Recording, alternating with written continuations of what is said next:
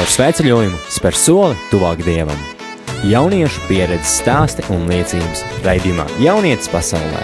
Maijā, sestdienās, 8. vakarā.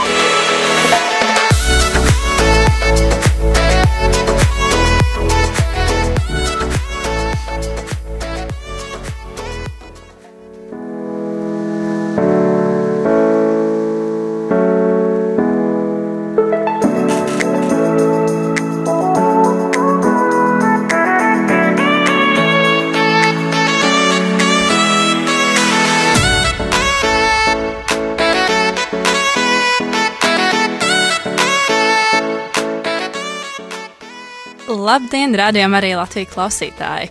Jūs klausāties rādījuma jaunības pasaulē, un ar jums šoreiz kopā studijā Frančiska Gusta. Radījumā apspriedīsim dažādākās tēmas par svētceļojumiem, uz kuriem ir bijuši jaunieši, kas ar mums šodien kopā ir studijā. Un nedaudz iepazīstinās katrs ar sevi, tātad Matīs. Sveiki, rādījumā arī klausītāji, mani sauc Matīs. Es jau ar jums esmu ticies šeit studijā, un arī jūs mūsos radioaparātos mājās. Un šodien es pastāstīšu par savu pieredzi svētceļojumos.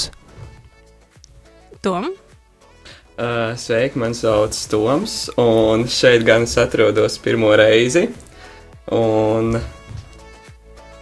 es mācos arhitektūras fakultātē, un man ir prieks šeit atrasties. Alise? Sveiki, mani sauc Alis. Es arī šeit esmu pirmo reizi. Es mācos Rīgas Tehniskās Universitātes inženierzinātņu vidusskolā.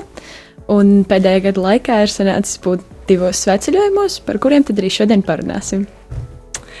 Paldies, tie, ka jūs esat ieradušies. Un uh, varbūt sāksim ar to, uz kādiem sveceļojumiem tad jūs esat bijuši. Alis, pastāst par to.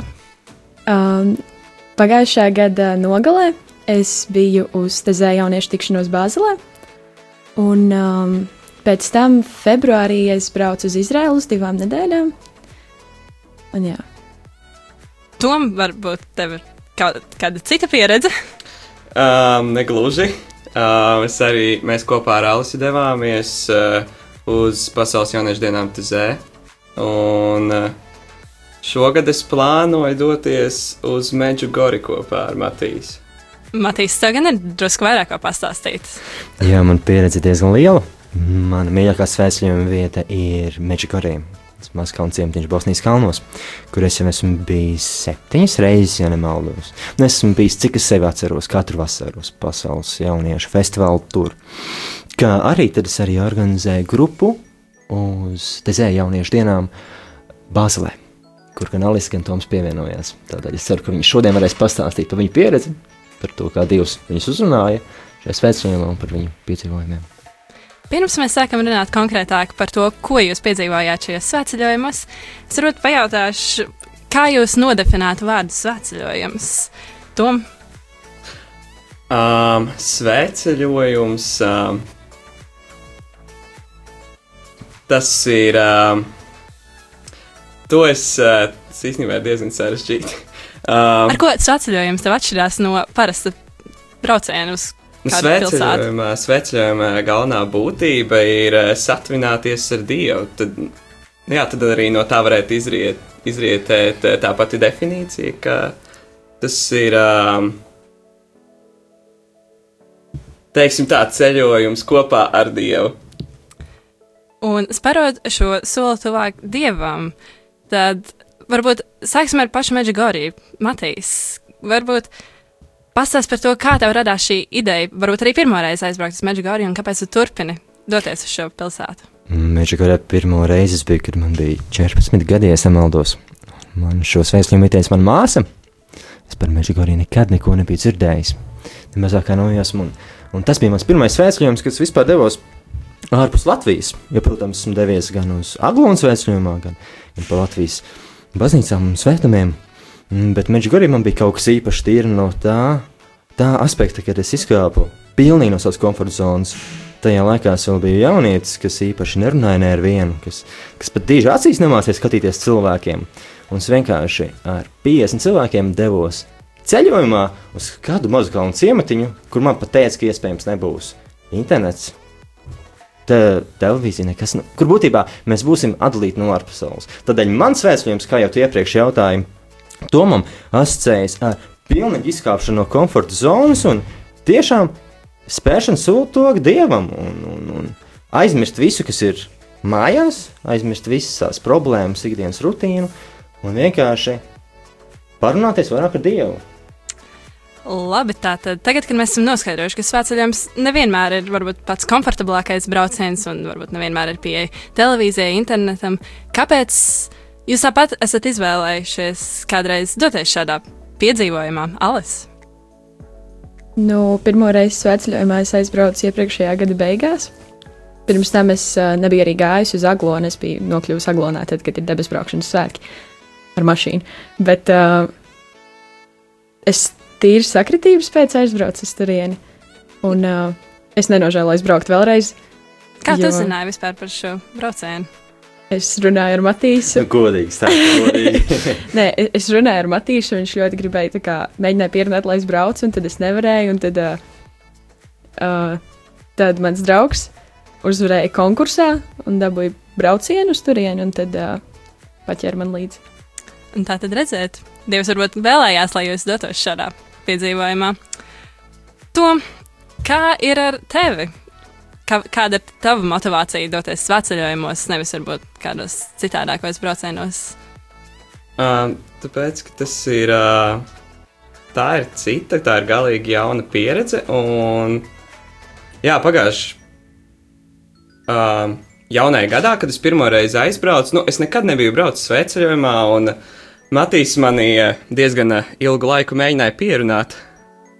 Un uh, es visu laiku negribēju, bet tad es viņam beigās piekritu, un īsnībā tas bija tieši tas, tas, bija tieši tas kas man jau sen bija vajadzīgs. Jo, jo, jo, jo um, tas bija, tā bija tāda kāda laba, garīga deva, kas man pietrūka. Un, uh, jā, par, par, tās, šis veicams arī palīdzēja uh, paskatīties uz pasauli no jauna skatu punkta. Bet tomēr, ja mēs parunājam par to, ka mēs dzīvojam opusdēji, mēs dzīvojam vietā, kur mums katru rītu ir svētā mise, mēs dzīvojam kopā ar diviem priesteriem būtībām. Tā ir studentu viesnīca. Tad, tad, tad ir salīdzinot svētceļojums, kur arī mēs bijām priesteri, kur mēs apmeklējam baznīcu, vai mūsu ikdiena ar ko tas atšķirās.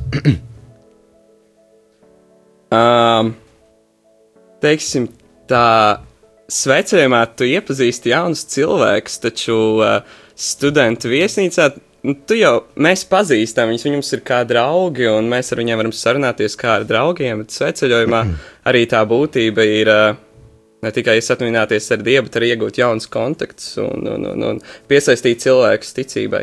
Tiesa. Tu minēji iegū, jaunu kontaktu iegūšanu. Tātad tas ir diezgan spilgti palicis savā atmiņā.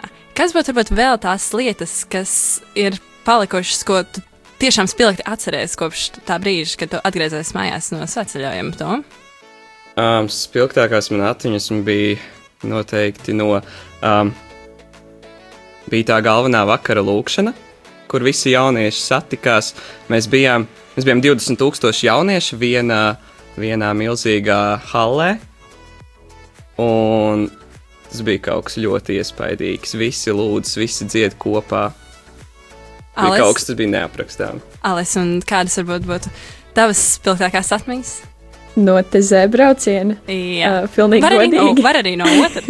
Var pastāstīt mums vairāk par braucienu, kurā tu biji. Es varu pastāstīt par abiem diviem patiesībā. Uh, no TZ brauciena pats spilgtākais ir tas, ka es dzīvoju slimnīcā, nevis tā kā vispārējie pie ģimenēm. Mēs dzīvojām slimnīcā, kur vadīja katoļu žēl, žēlsirdīgās māsas. Un uh, viennozīmīgi fantastiska pieredze, jo man pirms tam nebija sanācis saskarties ar žēlsirdīgajām māsām vispār pirms tam dzīvē.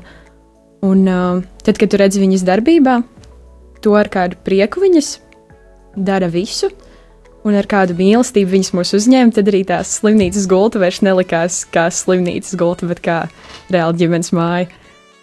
Un uh, no Izraēlas man laikam vislabāk atmiņā ir palicis tas brīdis, tad, kad es stāvēju pie Galilejas jūras. Un um, man lasīja priekšā Bībeles lasījumu par to vietu, kur uh, par zvejniekiem, manuprāt, to lasījumu. Un uh, tad tu saproti, ka tu stāvi tajā pašā vietā, kur tas viss ir noticis, un tāda ļoti apgrota sajūta. Tas varbūt būtu. Jā, paldies! Varbūt vēl vairāk par Meģigori, Matīs. Ko tu mums vari vēl pastāstīt? Varbūt par to, kā tu pats esi nokļuvis līdz šī pasākuma organizēšanai un kāpēc tas, kā tu apvieno garīgo ar laicīgo, varbūt, kā, kā, kā tev radās šī ideja un kāpēc tev šķiet, ka tieši jauniešiem tas varētu būt interesanti? Šī ideja man radās pirms diviem gadiem, ja nemaldos, kad es devos ar vienu citu grupu sveiciņojumā. Un mums bija diezgan stingri noteikumi. Mums bija jāceļās diezgan agri no rīta un jālūdzās. Mums bija obligāti jāapmeklē visas maltītes, mums nebija brīvības. Mums bija garīgais, garīgais, garīgais un garīgais. Es, protams, saprotu, tas ir svētceļojums un garīgais aspekts ir ļoti svarīgs. Bet, ja nav šis laicīgais, šis cilvēciskais faktors reizēm, garīgais mēdz arī nedaudz nomākt. Vismaz personīgi mani. Un tādēļ es devos mājās, devos pie savu garīgā vadītāja un runāju un domāju, ko es varētu, kā, ko es darītu, ja es kaut ko tādu organizētu. Tad arī nācu klajā pie, pie, pie idejas, ka es varētu apvienot skaistāko vietu apskati, doties apskatīties ūdenskritumus, peldēties Adrijas jūrā, peldēties citās jūrās. Nu, tīri doties ar jauniešiem pastaigāties vakaros, tīri cilvēcīgi parunāties, kā iet, nu, ko pa dzīvi dara. Un, protams, arī svētceļojumā ir priesteris, kas, kas vada visu šo garīgo ar svētceļojumu programmu, bet tīri sakumbinēt šo garīgo kas, protams, ir proporcionāli viņam lielāko daļu. Uh, laicīgu apsieties šīs skaistās vietas, visi piedzīvojumi, un arī šo cilvēcisko faktoru iepazīties, dot laiku cilvēkam un iepazīties cilvēku tuvāk. Un pēc tam izvērot draudzību. Jo, manuprāt, kas gan labākais veids, kā evanģelizēt par Dievu, tas, protams, kā ir Bībelē teikts, ar, uh, tas ir parādīt savu piemēru, bet arī iegūstot draugus. Jo, protams, to ar savu piemēru var rādīt citiem, bet tavi draugi redzēs to visvairāk. Un tavi draugi, nu, tev ikdienā redzēs, ka, jā, tu ne tikai stāsti, bet tu tiešām tāds esi. Un tad, jā, varbūt tiešām man arī painteresēties, kas, kas, kas tā tāda kristīgā ticība ir. Varbūt tas arī man uzrunā. Un tas bija tas iemesls, kādēļ es nolēmu pats organizēt. Un, un, un es ceru, ka jaunieši tas ir uzrunājis. Varbūt jūs varat pastāstīt pastāstīt, kāda jums bija pieredze, kā jums patika tīri šis apvienojums, kad mēs devāmies apskatīt Berlīnu, citas šīs lielākās pilsētas. Un, kad varbūt jums nebija tik daudz strikti noteikumi, kas jums bija jāievēro, bet ka jums bija vairāk šī brīvība, vai tas jums palīdzēja satumināties ar Dievu, vai tas varbūt nedaudz attālināja, jo šī svētceļojuma gaisotne pazūd šī tradicionālā svētceļojuma gaisotne. Varbūt jāsaka, ka mēs vispār nebraucam tradicionālā svētceļojumā, jo tā ir tezē jauniešu tikšanās, kurā jau pašā par sevi ir iekļauts arī nedaudz no laicīgā. Nu, tas, manuprāt, tā ir.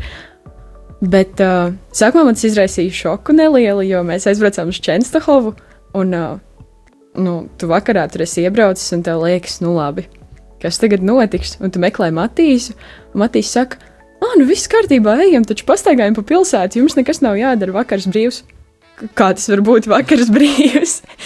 Bet, um, ja es nemaldos, mēs iebraucām diezgan vēlu. Tas bija jā, tādiem desmitiem? Jā, jā. un uh, tāpēc bija tāds, tu, tu, tu neliksi man iet desmitos gulēt, lai es rīt varētu agri piecelties. un uh, tas bija ļoti jauki pēc tam, jo mēs apskatījām gan Čenstohovu, pastaigājām pa pilsētu, gan pēc tam, kā jau tu minēji, brauciens uz Berlīni un vienkārši diena Berlīnē. Un es nekad nebiju bijis Berlīnē, tāpēc man tas bija īpaši jauki.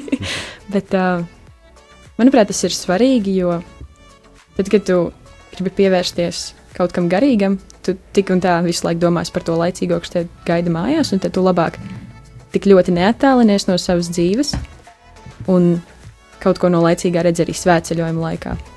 Jo, manuprāt, tas palīdz tādu familiārāku gaisotni radīt. Tu mums vairāk pastāstīji par to, kā, kā jūs tikāt tieši līdz Bāzelē un kā, kāda bija piedzīvojumi tieši šī brauciena laikā.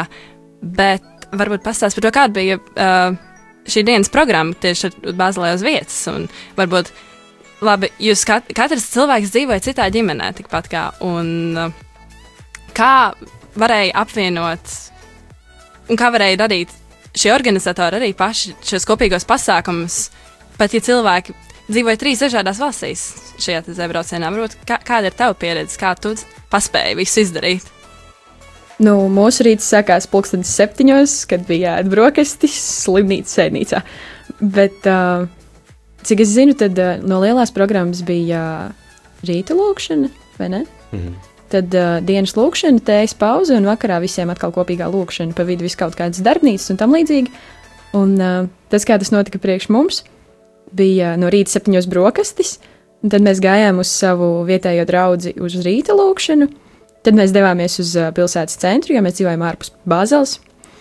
Un uh, tad mēs aizgājām uz uh, tējas punktu, kas, kas bija forši, jo mēs tur visi bijām kopā un ēdām piparkūks. Un uh, tad pēc tam atkal ir brīva diena pa pilsētu, un tu tiecies vakarā uz vakariņām un uh, uz vakaru lūkšanu, kas ir tas galvenais dienas notikums. Un uh, tu paspēji gan tikt uz lūkšanām, gan satikt savus cilvēkus, nejauši uz ielas, tos, ar kuriem tu kopā esi atbraucis, gan arī paskatīties pašu pilsētu, kas bija ļoti skaista. Tom, varbūt kādas tev ir atmiņas par to, kā tu pavadīji savas dienas Bāzelē? Um, mēs, man šķiet, mēs dzīvojam diezgan tālu no pašas bāzeles. Tā kā bija jābrauc, bija jābrauc kaut kā gandrīz vai stunda katru rītu. Un, uh, bet nezinu kādā veidā, bet mums rīts sākās astoņos no rīta, lai arī mēs dzīvojam daudz tālāk. Un, uh, un jā, un, uh, bet lai arī mēs cēlāmies diezgan vēl, mēs paspējām visu izdarīt. Mēs tikām gan uz rīta lūkšanu, gan uz uh, tēju gan uz uh, tējas dzeršanu, un uh, arī paspējām izstaigāt pilsētu un, uh, un uh, apmeklēt arī darbnīcas. Un, uh, lai arī tas grafiks, viņš, tas, uh, tas grafiks nebija uh, ļoti pārsātināts, piesātināts ar uh, dažādām, dažādām darbnīcām un vispārējo, tas pat bija Tas pat bija ļoti labi, jo arī organizatori saprot, ka cilvēki viņi, ka viņi var dzīvot 100 km apkārtnē no pašas bāzeles, un, un, un, un, un kā arī turisti. Viņi nezina to pilsētu, un kamēr viņi atradīs, kur viņiem ir jāiet, un varbūt vēl iekāps ne tajā vilcienā. Man tā gadījās. un, jā, un tā arī mēs, es atceros, mēs atbraucām pirmajā dienā. Mēs piecas stundas meklējām uh, māju vietu bet tur varēja aizbraukt pa 45 minūtēm. Un Kā? interesanti, bet tu minēji dažādas darbnīcas. Varbūt kādas bija šīs darbnīcas un par kādām tēmām? Un, jā, vienkārši pastāst mums, kas bija tas, ka, kas tieši organizatoriem likās, ka varētu šos jauniešus interesēt, kamēr viņi atrodas Bāzelē uz vietas. Um, viņiem bija noteikti svarīgi iedrošināt jauniešus. Uh, pastāstīt pēc tam arī citiem draugiem, ko viņi ir pieredzējuši. Un, uh, bieži vien tas nav diezgan vienkārši, jo uh, ir arī draugi, kas nav kristieši, un viņus uh, šo lietu var skatīties no citu skatu punktu. Un tad arī bija darbnīcas, kas uh, palīdzēja tev, kas tev mācīja publisko runu, un, un arī, uh, arī kā, kā, kā, kā tev. Um, Nu, lielā mērā šīs darbnīcas galvenais mērķis bija jauniešu integrēt sabiedrībā. Nu, Jā. vismaz bija dažādas meistarklases, dažādi gan prieseri, gan konsekrētas personas vadīja. Galvenais mērķis bija jaunieši integrēt savā draudzē, jauniešus padarīt par līderiem, jauniešiem, jauniešus pašpārliecināt par to, ka viņi ir kristieši un viņi, viņi, viņi var to arī sādīt saviem draugiem un viņi var to pozicionēt sabiedrībā, nevis no tā kaut turēties. Jā. Paldies! Bet tagad mums ir neliela muzikas pauze, un mēs klausīsimies dziesmu Emanuēlu.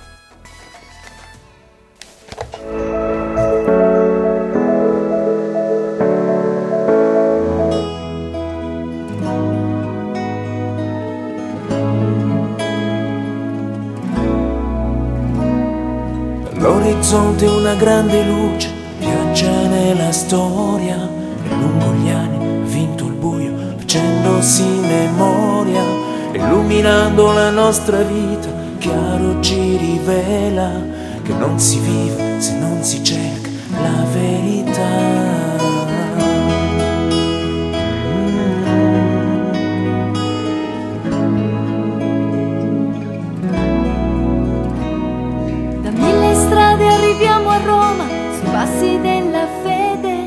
sentiamo l'eco della parola che risuona ancora da questo muro, da questo cielo, per il mondo intero e vivo.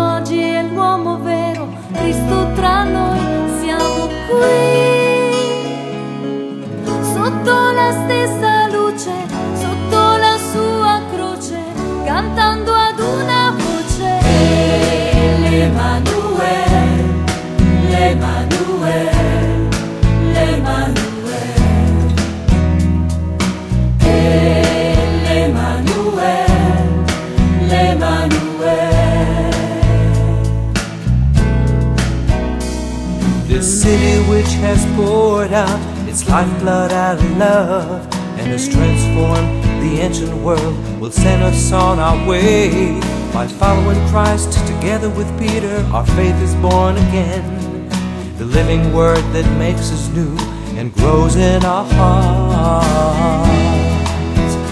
Mm-hmm.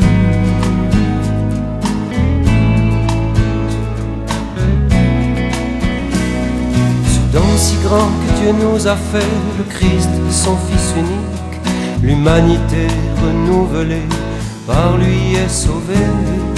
Il est vrai homme, il est vrai Dieu, il est le pain de la vie, qui pour chaque homme, pour tous ses frères, se donne encore. Siamo qui,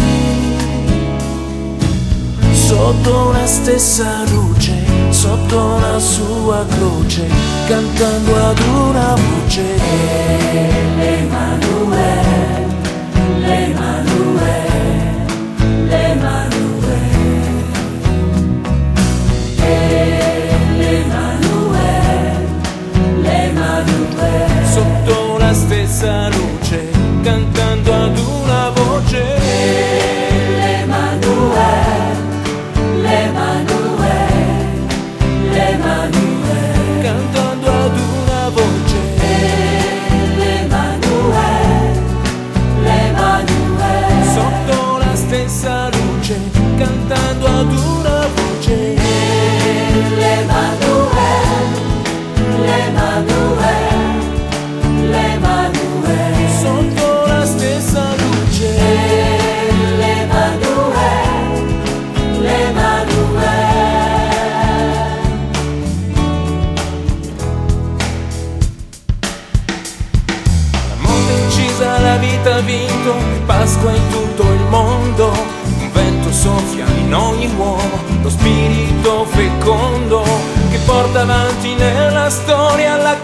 Chiesa sua sposa, sotto lo sguardo di Maria, comunità.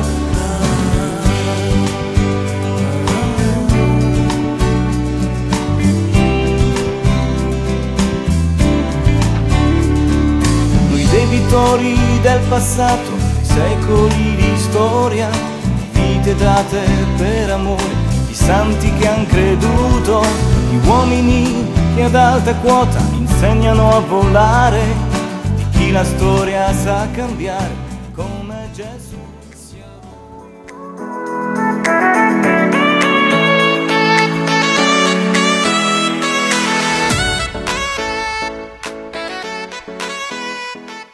Tātad esam atpakaļ, un līdz šim brīdim mēs esam redzējumā parunājuši gan par to, kā mums gāja TZ braucienā, par pašu programmu, par to, kā mēs līdz turienei nokļuvām, gan arī nedaudz par Meģigoriju. Bet tomēr vēl drusku nera ir nepieciešama šī informācija par to, kas tieši uz vietas Meģigorijai mūs sagaida, un kas varbūt ir tās pašas svarīgākās vietas, kāpēc Meģigorija ir tik populāra svētceļojuma vieta. Matīs, pastāst mums par to. Kā jau iepriekš minēju, šī svētceļojuma vieta man ir tiešām ļoti dārga pašam. Šī svētceļojuma vieta, būtībā ne jau vieta, vieta jau nav tik svarīga, bet tas, kā Dievs caur šo vietu, kā Dievs caur šo pasākumu ir mainījis cilvēku un kā Dievs mainīja mani. Tiešām mainījis dzīvi. Tie ir runājot par jauniešu festivālu, kas katru gadu notiek augusta pirmajos datumos. Mm, tā ir lieliska iespēja satikt. Līdzīgi kā pasaules jauniešu dienās, kad dodas pāvests, tā ir iespēja satikt diezgan daudz jauniešus. Pagājušajā gadā, kad es biju, bija 100, 100 tūkstoši jauniešu no visas pasaules. Pirmajā dienā ļoti skaista prezentācija, kad jaunieši pārstāv savu valsti un, un, un tiek pie mikrofona un, un var uzrunāt tik lielu publiku savā valodā. Tie es to esmu darījis divas reizes, un tas palicis ļoti spilgt atmiņā.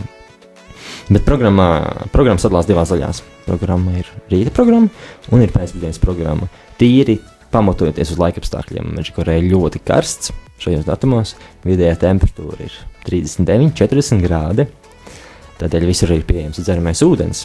I Lielākā daļa jauniešu sēž pāēnā, ēniņā, lai, lai varētu tiešām dzirdēt to visu un uztvert. Tātad rīta programmā ir liecības, lūkšanas, kā arī kunga eņģēlis 2012. Man personīgi vairāk uzrunāja liecības, kur pieauguši cilvēki, arī jaunieši, arī, arī pavasargadīgājumi cilvēki stāstīja savu piedzīvoto ekstremālās situācijās, kur Dievs mainīja viņu dzīvi. Mm. Tas, tas ir diezgan labs evanģelizācijas veids, kā, nu, kā jau teicu, ar savu dzīvi pateikt, jā, es ticu Dievam, un jā, Dievs ir foršs. Un vakar programmā bija viennozīmīga svētā mise, pirms svētās mises bija rožkronis, un tad ir vai nu kāds, misi, vai nu kāds misijas darbs, vai nu, vai nu, vai nu adorācija. Kā arī vienu vakaru ir Čenāklo kopienas teātros uzvedums. Čenāklo kopienu, varbūt jūs esat dzirdējuši par Bruknes kopienu, kur cilvēki ārstējas no atkarībām, no narkotikām, no alkohola atkarības. Un tāda tika dibināta Itālijā pirms daudziem gadiem jau, kur sabraucam atkarīgiem no vairākām valstīm. Un bija gatava pieņemt savā sirdī, savā dzīvē jēzu, bija gatava savu dzīvi mainīt. Un, un, un, un tikt, tikt galā ar sevi iekšēji, tikt galā ar šīm atkarībām un pievērsties jēzum. Un viņi, protams, katram cilvēkam ir savs talants.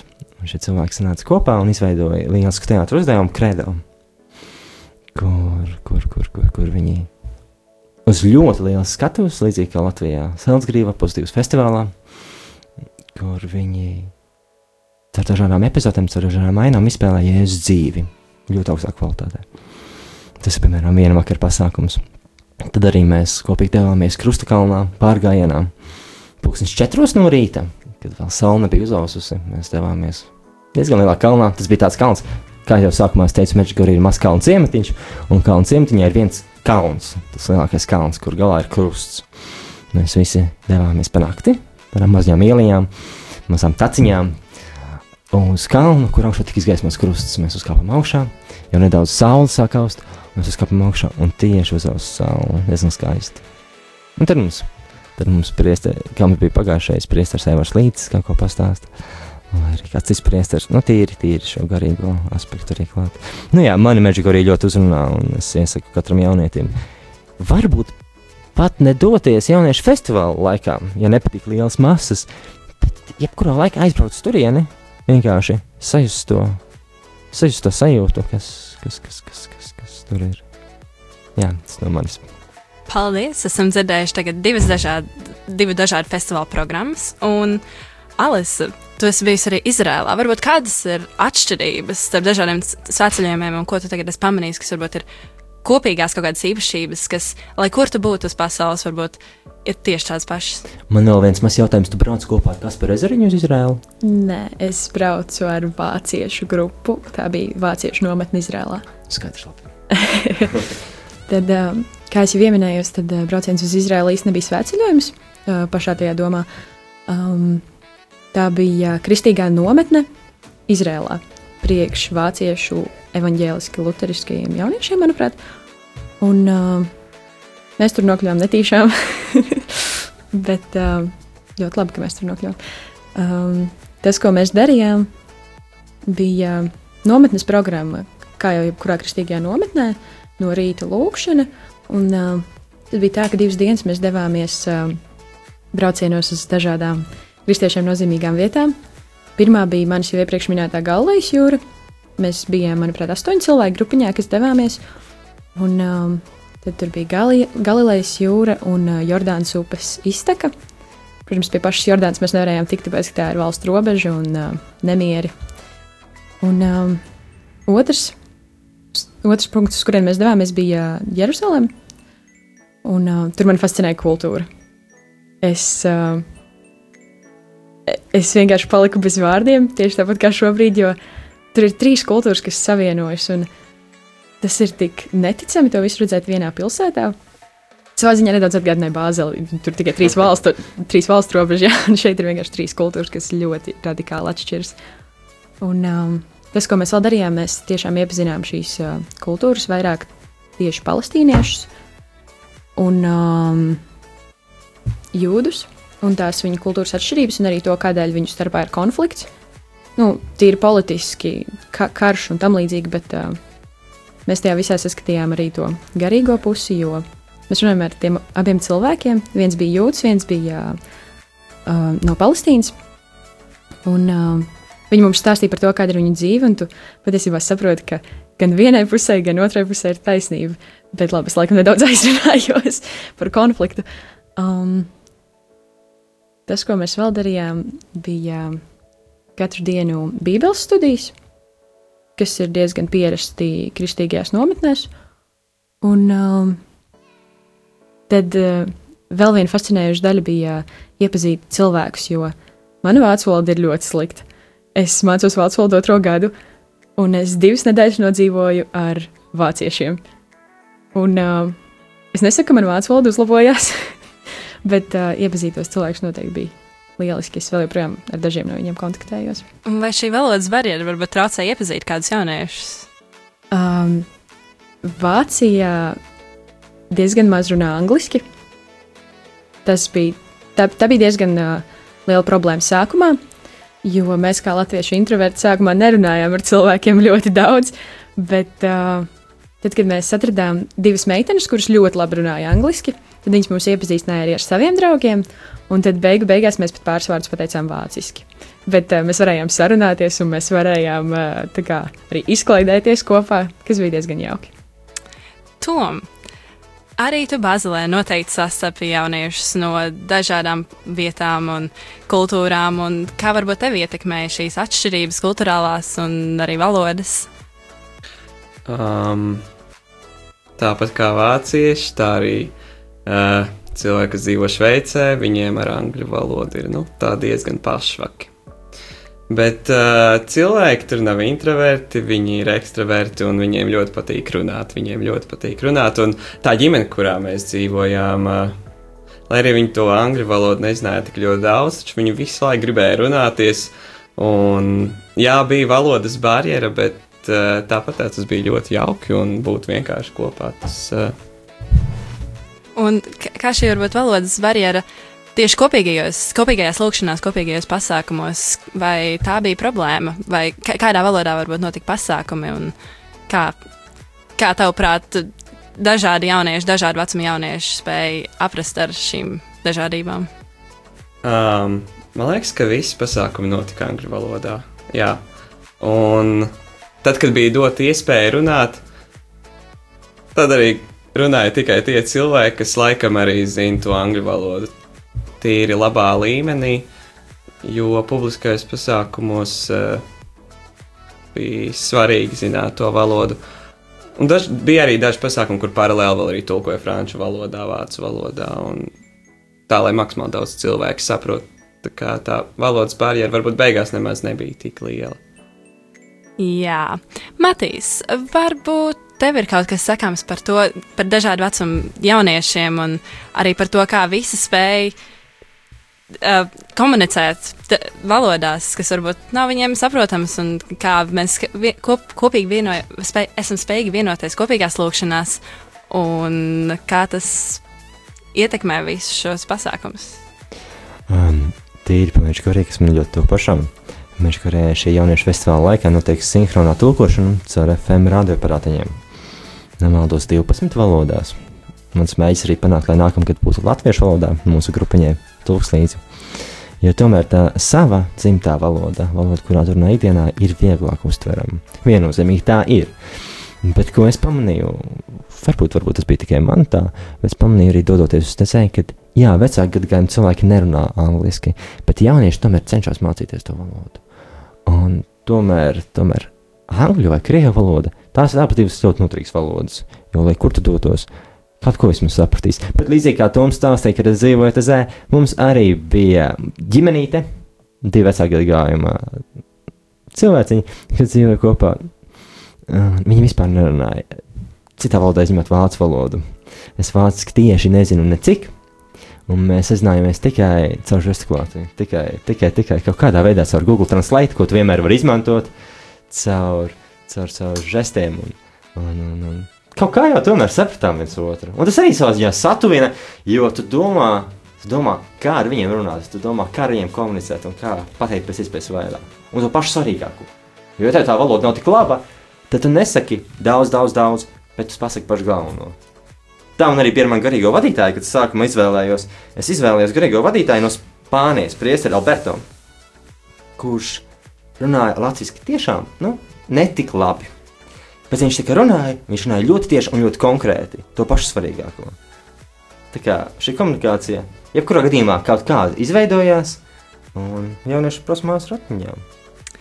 Varbūt jums ir kādi ieteikumi tam, kā izvairīties no šādām situācijām, attiecībā gan pret valodas barjeru, gan pret uh, vispār komunikācijas kaut kādām, kaut kādiem šķēršļiem ar citu tautību cilvēkiem. Un, Turpmāk, un kā, kā piesaistīt uh, dažādus jauniešus, varbūt arī tādus, kas nepārzina kādas citas valodas, lai viņi arī dotos uz ārzemēm, uz svētceļojumos un iepazītu tuvāk Dievu. Alice! Nu, es varu minēt to pašu Izraels piemēru nevajag būt introvertiem, jo tad, ja tu brauc ceļojumā, tad cilvēki tevi tur gaida lielākajā daļā gadījumu. Tad, ja tu brauc uz kādu festivālu vai uz nometni, un uh, viņi būs ieinteresēti ar tevi runāt. Un tas, ko dari, tu neklusē. Un, uh, tu ej, un kāds atbildēs? Ja tu netrāpīsi ar pirmo reizi, tad tu trāpīsi ar otro reizi, un beig beigās tāpat varēsi komunicēt ar cilvēkiem. Tom, kā varbūt tev liekas, vai, vai būtu ja tu aizbrauktu uz kādu vietu, kur tu pilnībā nezinātu, un tu nespētu sazināties ar šiem cilvēkiem, ka, kas būtu tas, kā tu mēģinātu tomēr kaut kā uzzināt kaut ko par viņiem, vai varbūt saprast viņu kultūras un tradīcijas, un uh, kā tu komunicētu, un kāpēc, varbūt, kas tev tieši interesētu šajā? Nu, ja cilvēks nevar runāt, tad uh, laikam uh, Vienīgā iespēja ir žestikulācija. Un dažreiz pat, tas pat nav tik sarežģīti. Um, cilvēki mēdz saprasties arī tikai ar žestiem. Un... Jā, vai arī otrs variants - staipi līdzi vārnīcu. Meklē vārdus. ir Google Translate. Vai Google Translate? Ir Google Translate. Tā kā mūsdienās e, viss ir ļoti vienkārši, viss ir ļoti um, datorizēts un viss var atrast internetā tas nepieciešamo. Bet man vēl viens jautājums. Ka jūs devāties, piemēram, tu devies uz Izraēlu, tu devies uz Zemi, tu, tu arī devies svētceļojumā. Kas ir tas, kas mūs visus vieno? Tu dodies satikt jaunus cilvēkus, kurus nepazīsti, bet tomēr ir kaut kas, kas vieno. Kas ir tas, kas mūs visus vieno svētceļojumā? Ticība Dievam. Nu, es, es nezinu, es varu pateikt vēl kaut ko bez tā, ka mēs visi ticam Dievam. Nē, bet uh, nu, tas tas, kas mūs tur vienoja, bija lūkšana. Jo lūkšanas bija visās valodās. Um, nu, ja tu zināji krievu valodu, tad varēji paņemt krievu valodas rakstīto, ja tu zināji angļu valodu, varēji paņemt angliski rakstīto. Un um, tādējādi šo lūkšanu saprata visi. Un um, caur brāļu teikto, un arī caur to, ko teica cilvēki, kas kaut ko lasīja priekšā, nu, mēs visi bijām kopā. Un Jā, tajā brīdī tiešām varēja just tādu kopības sajūtu, neskatoties uz to, ka tur varēja sēdēt kāds franču cilvēks, kurus nekad dzīvē nesaprastu, ja viņš satiktu uz ielas. Tajā brīdī mēs bijām kopā. Jā, kopā būšana tomēr laikam ir svētceļojuma svarīgākā daļa un šīs kopīgās lūkšanas. Un kopā pavadītais laiks, vienalga no kurienes mēs nākam un uz kurieni mēs dodamies tālāk. Paldies mūsu raidījuma viesiem, Matīsam, Tomam un Alisei par to, ka jūs bijāt šeit. Un tiksimies jau nākamā sestdiena, pulksten astoņos vakarā ar Rādījumu arī Latviju. Uz tikšanos! Ata.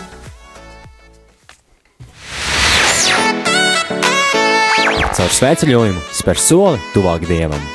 Jauniešu pieredzes stāsti un liecības raidījumā Jaunietis pasaulē.